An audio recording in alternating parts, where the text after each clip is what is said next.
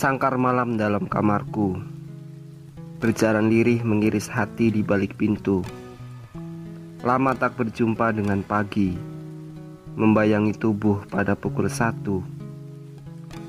Detik waktu yang panjang menahan dingin. Menusuk-nusuk rindu dalam dada. Melewati celah-celah hening Yang tak terasa sampai sesal pun tiba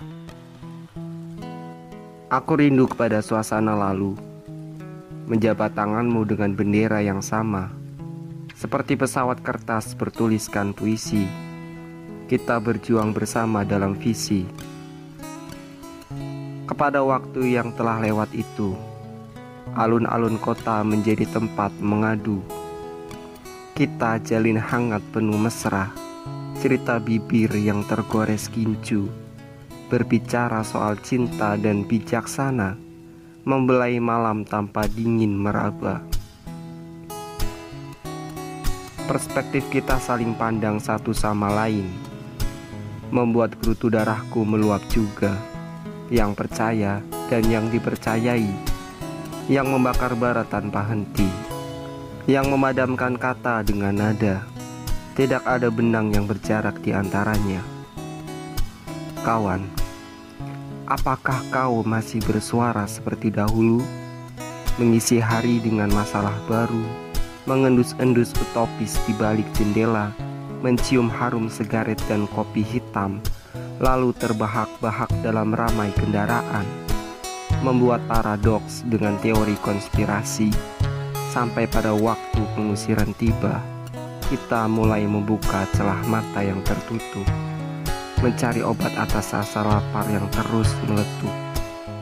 Saling berjalan di muka dunia, menatap garis miring menuju langit dengan kalimat bertanda tanya, melangkah beriringan dalam jarak yang berbeda. Tapi kita berhenti pada titik yang sama, perasaan untuk mendekapmu dengan rindu.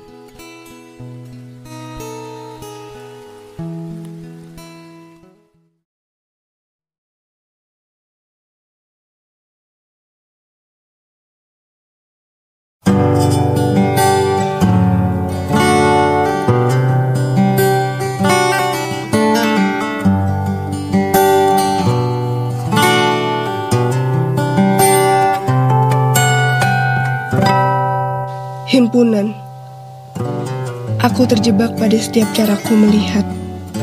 Tidak ada ramah tamah seperti biasa. Bukan sebuah kalimat yang ku maksud Seperti melipat sudut pada surat pribadi. Membaca cerita rasanya sumpek Seperti tidak relevan lagi Untuk dibahas dalam diskusi Atau hanya sebagai pemuas emosi. Teko terbakar sebelum air mendidih seperti itulah kotak ini begitu ramai tertindih, yang membuatku resah di ujung pertunjukan dan gelisah pada setiap lalu lalang sapaan. Banyak pengampu yang tak punya motivasi, pengajar yang kehilangan kreasi, dan pelajar yang tak punya jati diri. Seolah ilmu hanya formalitas, lalu beradu tegang dengan kata keras. Mereka saling menentang satu sama lain, membuat salah dalam posisiku.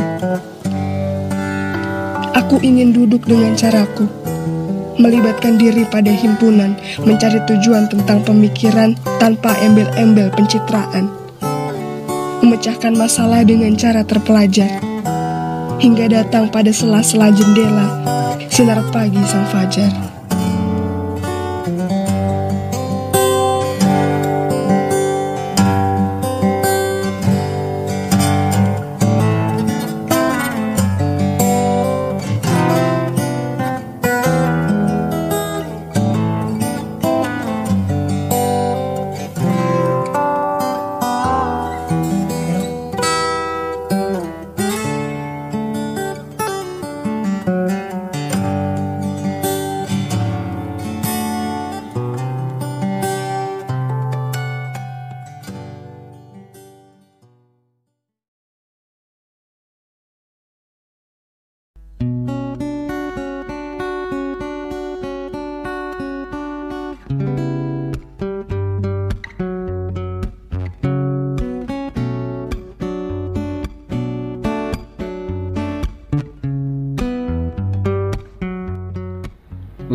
Menekuk mencium tanah.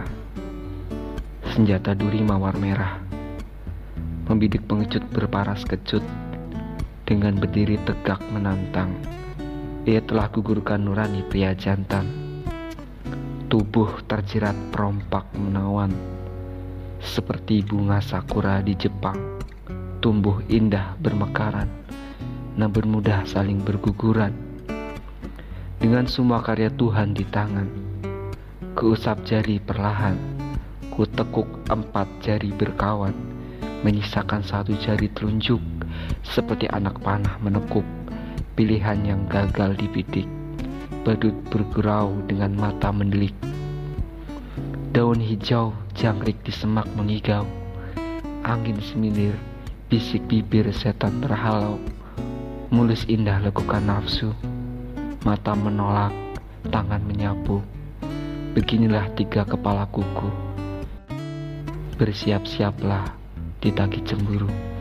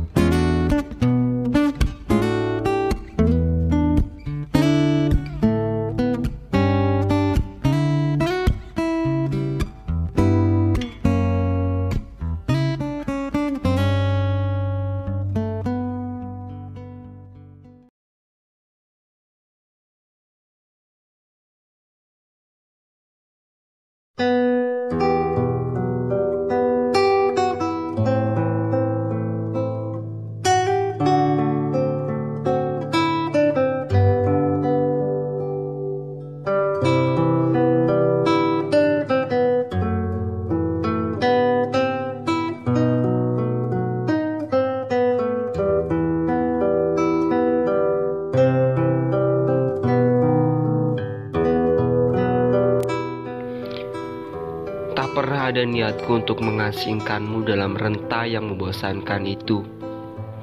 Hidup di atas kursi goyang menikmati detak jarum pada dinding. Yang mengayusiku kayu irama detak jantung dalam kemeja tipismu. Tidaklah sebenarnya tuduhan itu nyata. Di kota ini aku ingin sekali menghasilkan banyak uang dari kedua tangan dan otakku lalu memberikan jatah bulanan kepadamu. Tapi di belantara ini banyak semak-semak yang cukup rumit untuk aku tebas satu persatu. Percayalah bahwa tak seberapa ganti ruginya seorang sarjana bila ditukar dengan nilai rupiah. Pada kota ini, aku serupa gelandangan yang membagikan sepotong nasi untuk menyewa tempat tidur apalagi pada diri seorang pengajar bahasa sepertiku. Di lapangan, aku tak lagi memikirkan untuk menimbun banyak kertas. Persoalan lain menyelip pada isi kepalaku untuk dipecahkan. Di luar sana, aku menjadi pahlawan yang memberantas ketidaktahuan dalam bentuk angka di setiap nilai rapot maka tak cukup bangga bagi diriku dalam tumpukan buku. Aku tahu betul bagaimana pengharapan itu besar, dan engkau bisa saja mengatakan kepadaku tentang keluh kesah kebutuhan. Karena pada ujung daun yang hijau itu, aku selalu saja mengatakan sebentar lagi dan tunggu. Memperlambat kegagalan dalam setiap detik waktu menunggu kedua pikiran menjadi tujuan baru sampai kita sama-sama merasakan hutang menjadi sebuah benalu.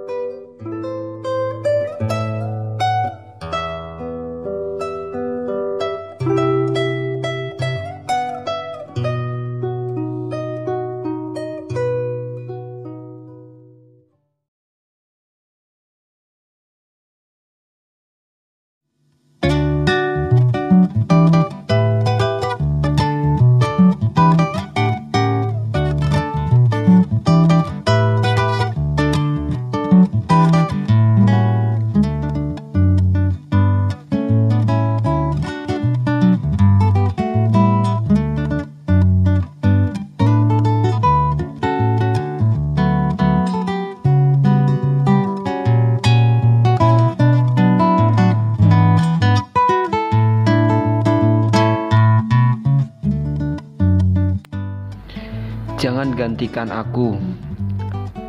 Aku tidak pernah berganti.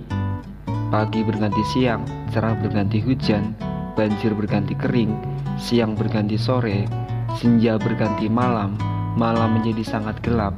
Aku tidak berganti. Mawar, jangan gantikan aku.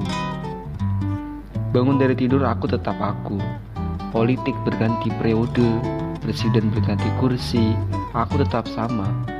Bulan berganti windu, ekonomi berganti timur, timur berganti teknologi, isu berganti kabar gembira, jenderal berganti pangkat, perang berganti damai, hidup berganti mati, kesehatan berganti penyakit, dan aku belum berganti, hanya bertambah usia. Terima kasih, mawarku. Baju berganti pada badan, badan berganti rapi, seduh berganti senyum, egois berganti dewasa, dan aku masih belum berganti. Dudukmu belum tergantikan. Dua tangan menyilang memutar badan, bunga mawarku tak terganti, dan aku tak mau digantikan.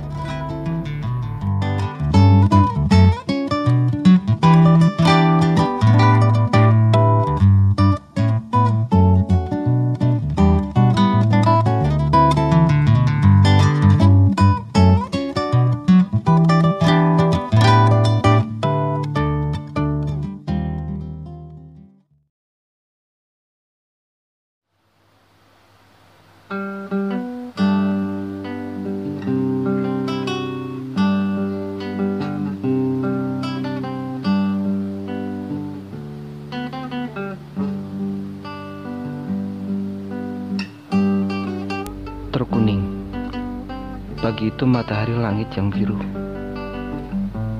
Sedikit awan mengembang di sana.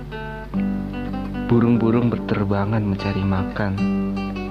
Tidak ada yang berbeda di atas bumi ini kecuali sebuah gunung yang terpotong ujungnya. Terbang dan menindih kampung-kampung, menelan banyak suara teriakan dan raungan sayap kupu-kupu cantik berwarna hingga pada sebuah truk berwarna kuning. Bermuatan bau busuk yang terbang tertiup angin. Bukan kesibukan yang biasa-biasa saja. Tidak ada lagi laki-laki kecil berlari menyusuri sawah-sawah mereka. Menangkap belalang yang berwarna hijau dengan kedua tangan mungil itu tertawa bahagia dengan pipi-pipinya yang mengencang berwarna ungu. Yang menyuruh bapak-bapak petani mengeluarkan kalimat jangan awas. Siang itu biasanya para ibu-ibu mengantarkan makanan di dalam rantau yang berwarna putih dengan corak bunga berwarna merah yang menutup aroma harum masakan di dalamnya menyuruh dan meminta para otot-otot berhenti bekerja, menyantap, melepaskan lapar, dan memberikan senyum pujian kepada istri-istri mereka. Tidak ada pula yang tawa bocah gundu bermain sepak bola. Pada tanah lapang itu, cangkul merubahnya menjadi gundukan massal. Saling berdekatan jumlahnya, menambah suasana ramai dalam rindu. Setiap waktunya setelah maghrib tunyut-tunyut nadi memberikan isyarat Menambah rasa sesak di dalam dada Yang tak kunjung dapat hilang dengan segelas air putih Yang mengalir dari mulut mereka doa-doa permohonan kepada Tuhan Tidak diketahui dan tidak ada juga tandanya Yang mana si Anu dan si Anu itu di mana? Mereka tergeletak pada lubang yang sama, berupa list nama pada papan panjang di depan pintu yang kian ditatap, kian menambah sendu.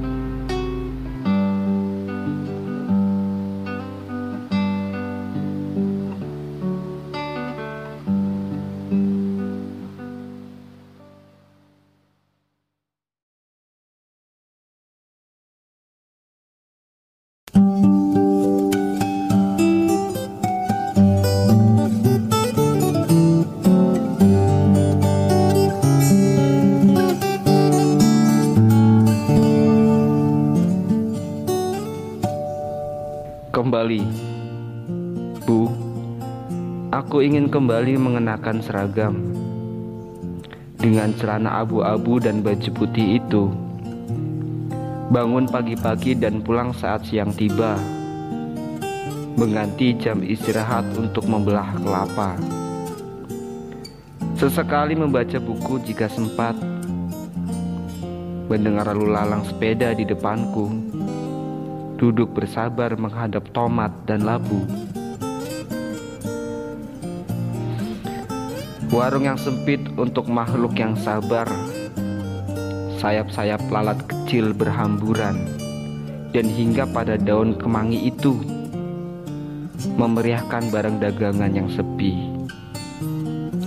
Aku ingin kembali mengulang rindu bersama fajar pagi terbungkus dalam tasku yang kutulis di lembaran kertas pada buku yang menguras isi dompetmu saat bulan Februari yang membuat jantungmu berdebar pada bulan Maret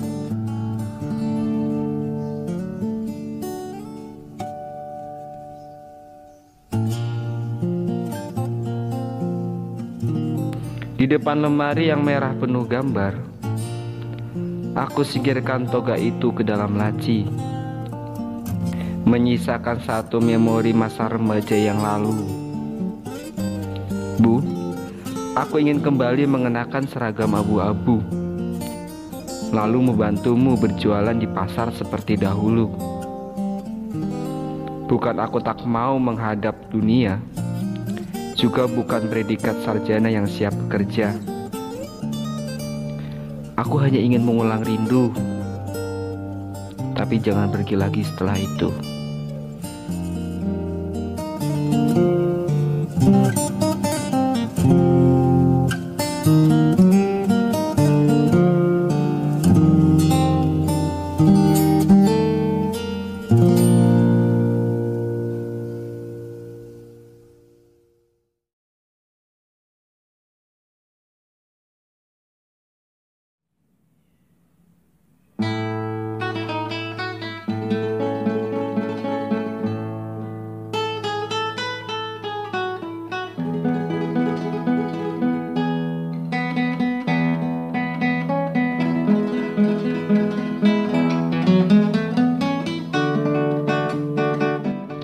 Musim kampanye Rumah kayu di atas tanah hitam Berbelok mata angin sebelah kanan. Mencium ladang jagung si tuan Sebentar lagi musim panen datang. Tawari yang angin malam berlari Membelah bulan duduk sendiri. Fajar menyerang keresahan si sederhana Membisikkan kekhawatiran tiada guna. Lingkaran merah, kalender di dinding. Seorang presiden tersenyum dingin. Hadiah kampanye bulan lalu mendebar benih pada sebatang kayu, menjadikan dada tabah menunggu tahun. Wajah belahan hati dalam angan tersenyum, sampai hari dijanjikannya menyeberang. Jauh dari kota, seorang bocah pulang.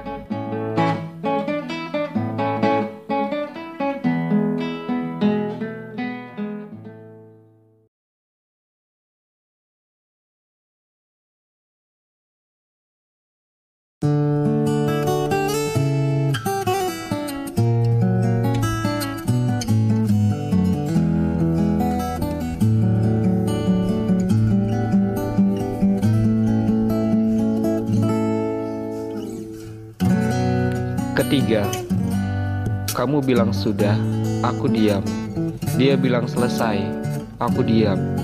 Mereka berkata habis, aku diam. Tembok kamar diam, aku bertanya. Lampu tertawa, bantalku tendang, mereka bahagia. Lampu padam, bantal merenung. Tembok berkata, dia dan mereka berbicara, kamu hanya diam. Aku jawab dalam hati, mereka menang. Aku hilang. Mereka diam. Aku menang. Mereka menangis. Aku berjuang.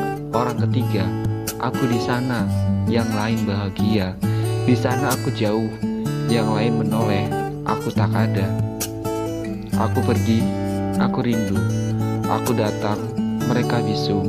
Aku pulang, mereka datang. Aku lupa, mereka lupa. Aku hilang, mereka ada. Dermaga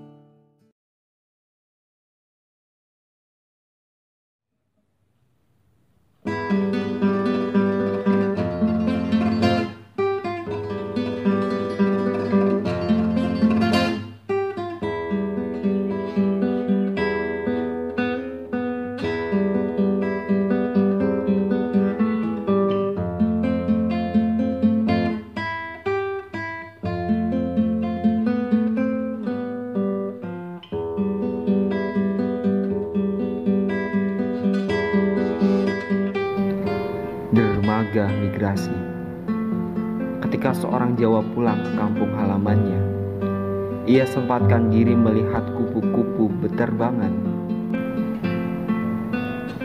Warna-warni bunga menambah manis kepulangan yang tak terhingga pada dini untuk diucapkan. Dia akan pulang membawa sejarah sendiri, persis tersimpan rapih di dalam kopernya dengan menggendong tangan di belakang. Seluruh nafas terhela ke atas langit ketika hujan menyembur dari biru di sana. Matahari enggan menepi melepaskan sayap bersamaan dengan jatuhnya trilogi warna itu.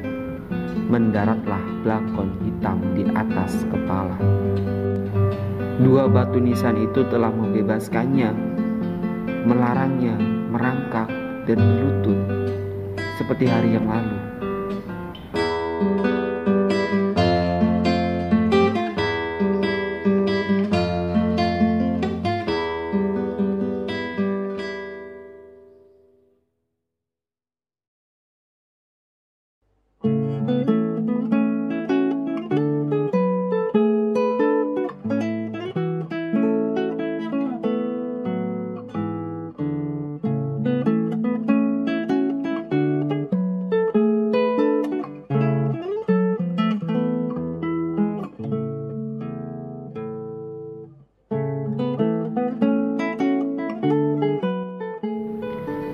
Meminjam kata semesta. Di kota yang cukup padat, perjalananku berhenti pada sebuah ruko ketika hujan mendera lelah sepulang kerja. Seketika kutemui kawanan burung kalang kabut menuju sarangnya. Isyarat yang menyuruhku untuk memalingkan wajah ke ujung kaki di sana nampak jalan lurus berkabut abu-abu. Takku merasakan nyaman dengan keadaan demikian.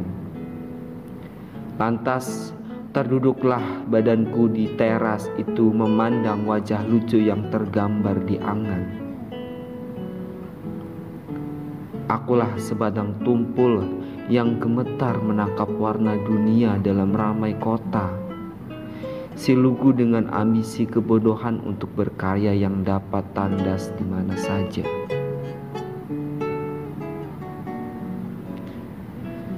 Di depan ruko itu, aku memandang keluar langit yang berwarna biru, seperti kajian kosmologi dalam buku. Jika benar bumi hanyalah sampah kosmos yang mungkin tersebar miliaran planet dalam satu galaksi akibat dentuman besar. Lalu di mana perjalananku akan berhenti? Ternyata di balik langit yang indah begitu banyak cahaya mengerikan, di mana gelap mendominasi, di mana sebuah bintang dapat membakar apa saja, tak terbatas seperti titik putih, merah, hijau, kuning, dan biru di atas kertas hitam, bagai layar yang membantang jauh tanpa henti.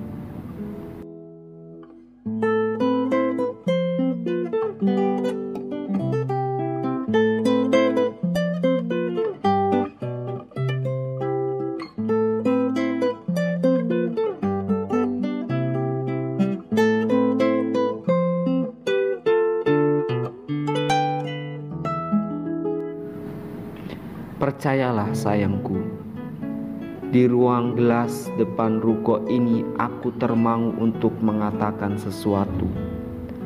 Aku gunakan nama-nama mereka untuk memujamu.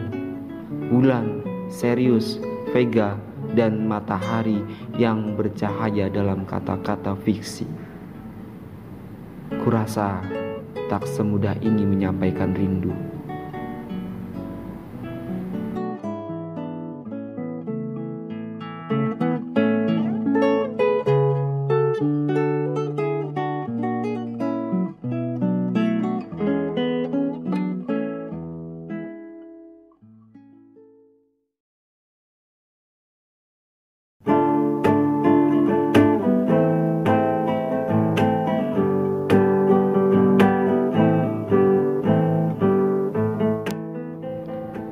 Bukan zamanmu lagi.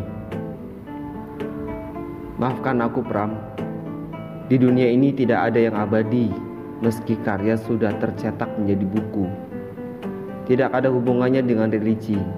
Menulis karena keberanian hanya ada pada tahunmu. Zaman kini tulisan melimpah, tercecer di mana-mana. Mereka berani dan menggebu-gebu, tapi tidak setajam pada masamu. Cara ini sudah terlalu tumpul. Maafkan aku Iji. Zaman sudah terlampau sejahtera. Tidak ada lagi penyair yang hilang. Penulis yang disekap Pemikir yang mati terbunuh Jenderal yang tewas di lubang. Tidak ada lagi penduduk yang merasa menderita Sebab tirani menindih badannya. Mereka telah tertidur lelap. Tidak ada sasar yang membawa kabar gembira lagi mereka sudah merasa cukup bahagia dengan bekerja kemudian kawin dan beranak. Mereka terbawa mitos dunia, asal perut kenyang dan di dompet masih ada uang. Mereka pandai menulis, tidak hanya dalam buku saja, berkeluh kesah sepanjang hari pada media teknologi, tapi bukan untuk sesama, melainkan diri pribadi. Maafkan aku Anwar, Generasimu saat ini banyak menyukai roman, menggoda perempuan lalu menarik-narik pembalut mereka. Bermimpi, sibuk dengan sajak-sajak rembulan. Mereka kepalang kasmaran dengan diksi-diksi menuju sore,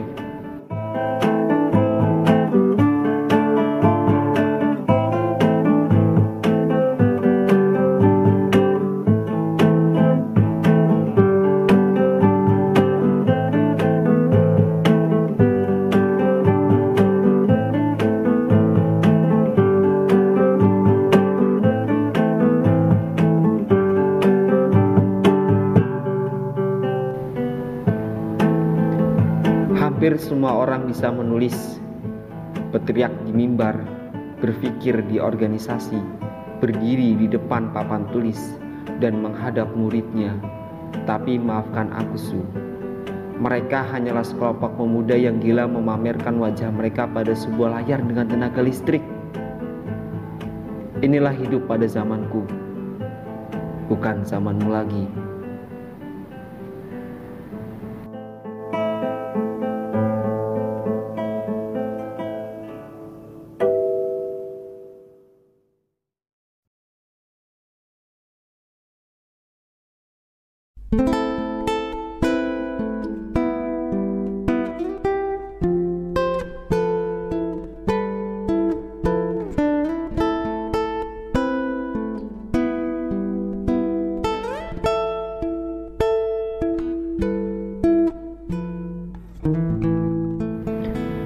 Agama dan putus asa. Kita sering kali meletakkan agama dalam situasi ekonomi, menghadap waktu di rumah ibadah ataupun dalam sudut rumah, menghitung butiran tasbih dengan husu dan nikmat. Tapi yang diminta bukanlah kedamaian hati ataupun belas kasih Tuhan, melainkan rezeki yang terus-menerus dianggap kurang meminta imbalan atas segala bentuk ibadah, dan memohon sesuatu berupa duniawi kepada Sang Pencipta adalah ciri manusia menjadikan kepercayaan sebagai pelarian.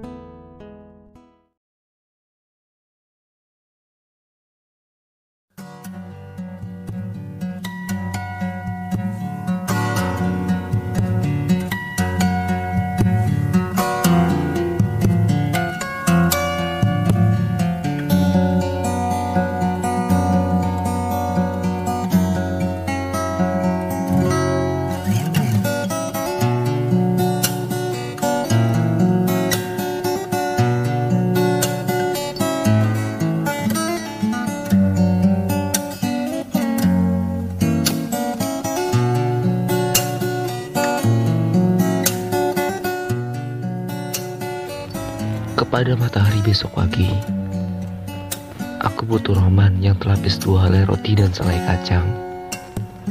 Kepada mendung yang memayung kala jelang akhir tahun, berikanlah aku sepucuk undangan dengan pita berwarna merah.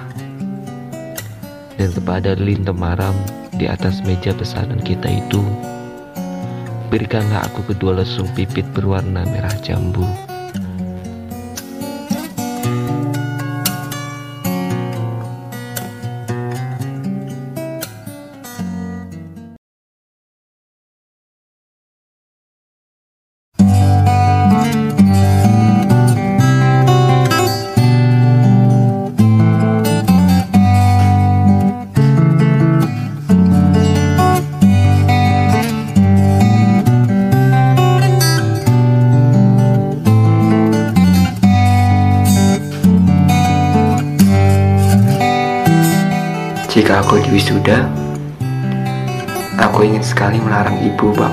Datang, juga kawan-kawanku.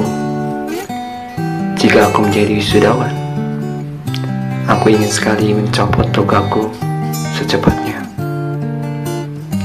Jika memang aku harus berwisuda, tentunya itu akan menjadi hari yang membosankan.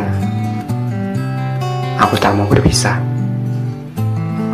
Jika aku berada dalam upacara wisuda, aku benar-benar ingin lari. Aku datangi kawan-kawanku satu persatu, menjabat tangan mereka, naik ke atas gedung, lalu berteriak, "Aku rindu!"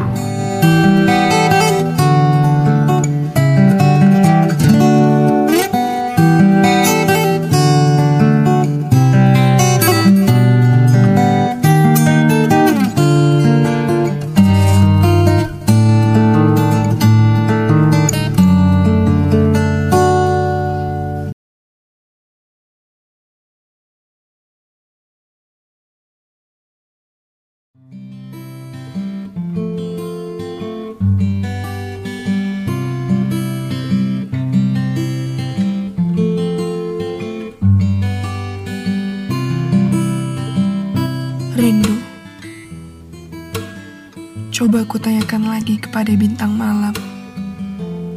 Sampai kapan rindu ini kutahan? Segelas air putih telah menjadi hitam. Kuaduk perlahan di tengah kerinduan. Kepada ruang dingin ku berlabuh di antara tembok dan bayanganmu.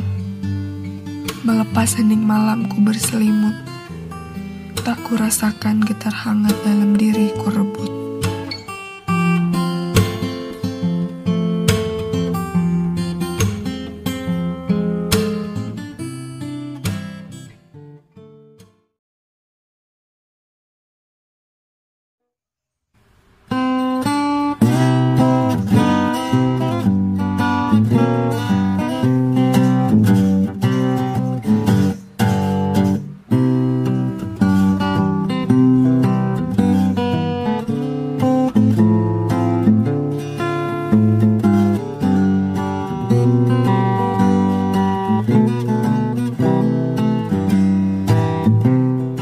Aku suka hujan awal Januari, sebab selalu ada cerita di balik indahnya.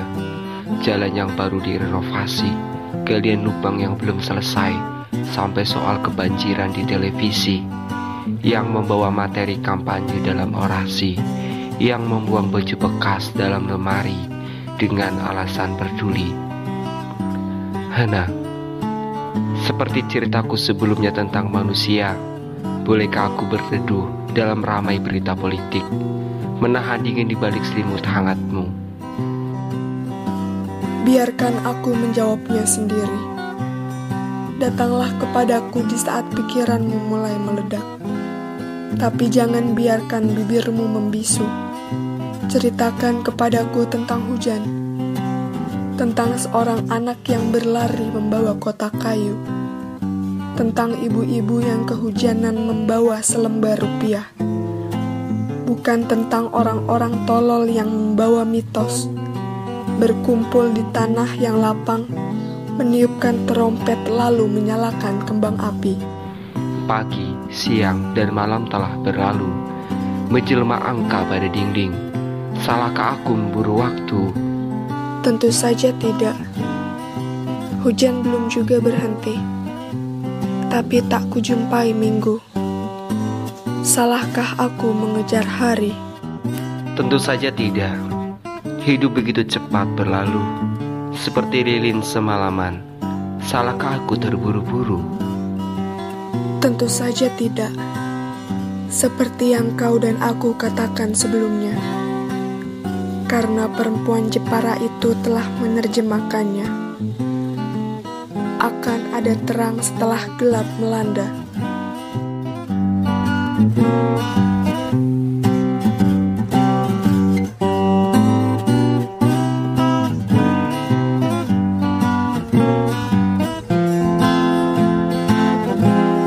Aku, ingin diam bersamamu.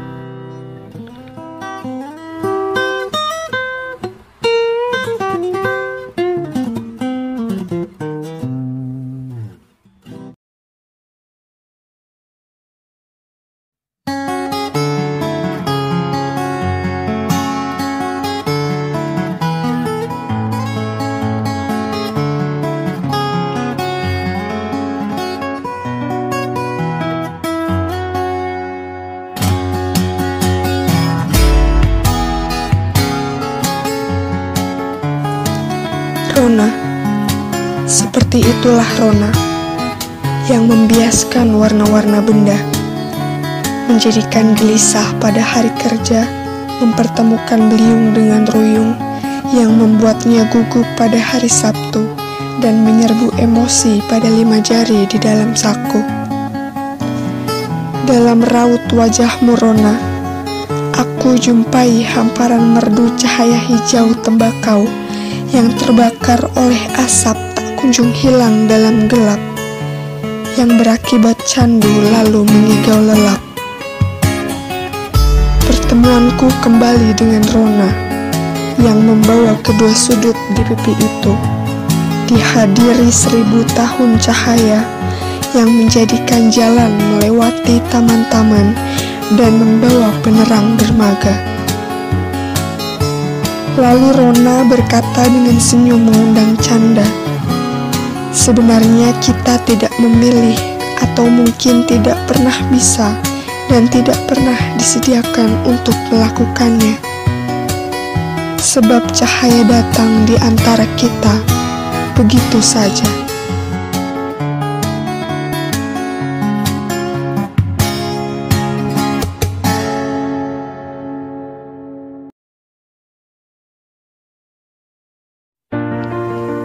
Agenda baru selesai. Kesibukan yang tidak biasa itu, dan kembalilah aktivitas biasa. Sekarang semuanya menjadi tidak biasa,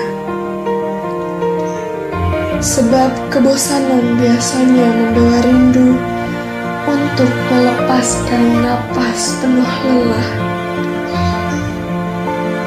Jadwal padat sudah lewat, pita merah bersambung. Kemeriahan tepuk tangan penonton, dan di sudut sana ada yang menahan haru ketika lampu sorot mengarah padanya. Juga di dalam dada ini gelisah di ambang pintu. Dia adalah jemari yang malu untuk menulis jadwal baru.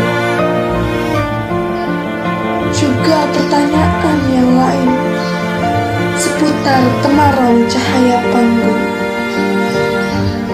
Apalagi setelahnya? Apakah selesai? Tidak pada hari ini. Juga tak perlu kutulis. Bibir merah dan lesung pipit yang lucu memintaku kembali berdiri mengibahkannya. Cahaya dalam petang, bunyi suara pagi. Agenda baru dalam pelukan Pulau Jawa. Tidurlah panda yang manis. Waktu kita sudah tiba.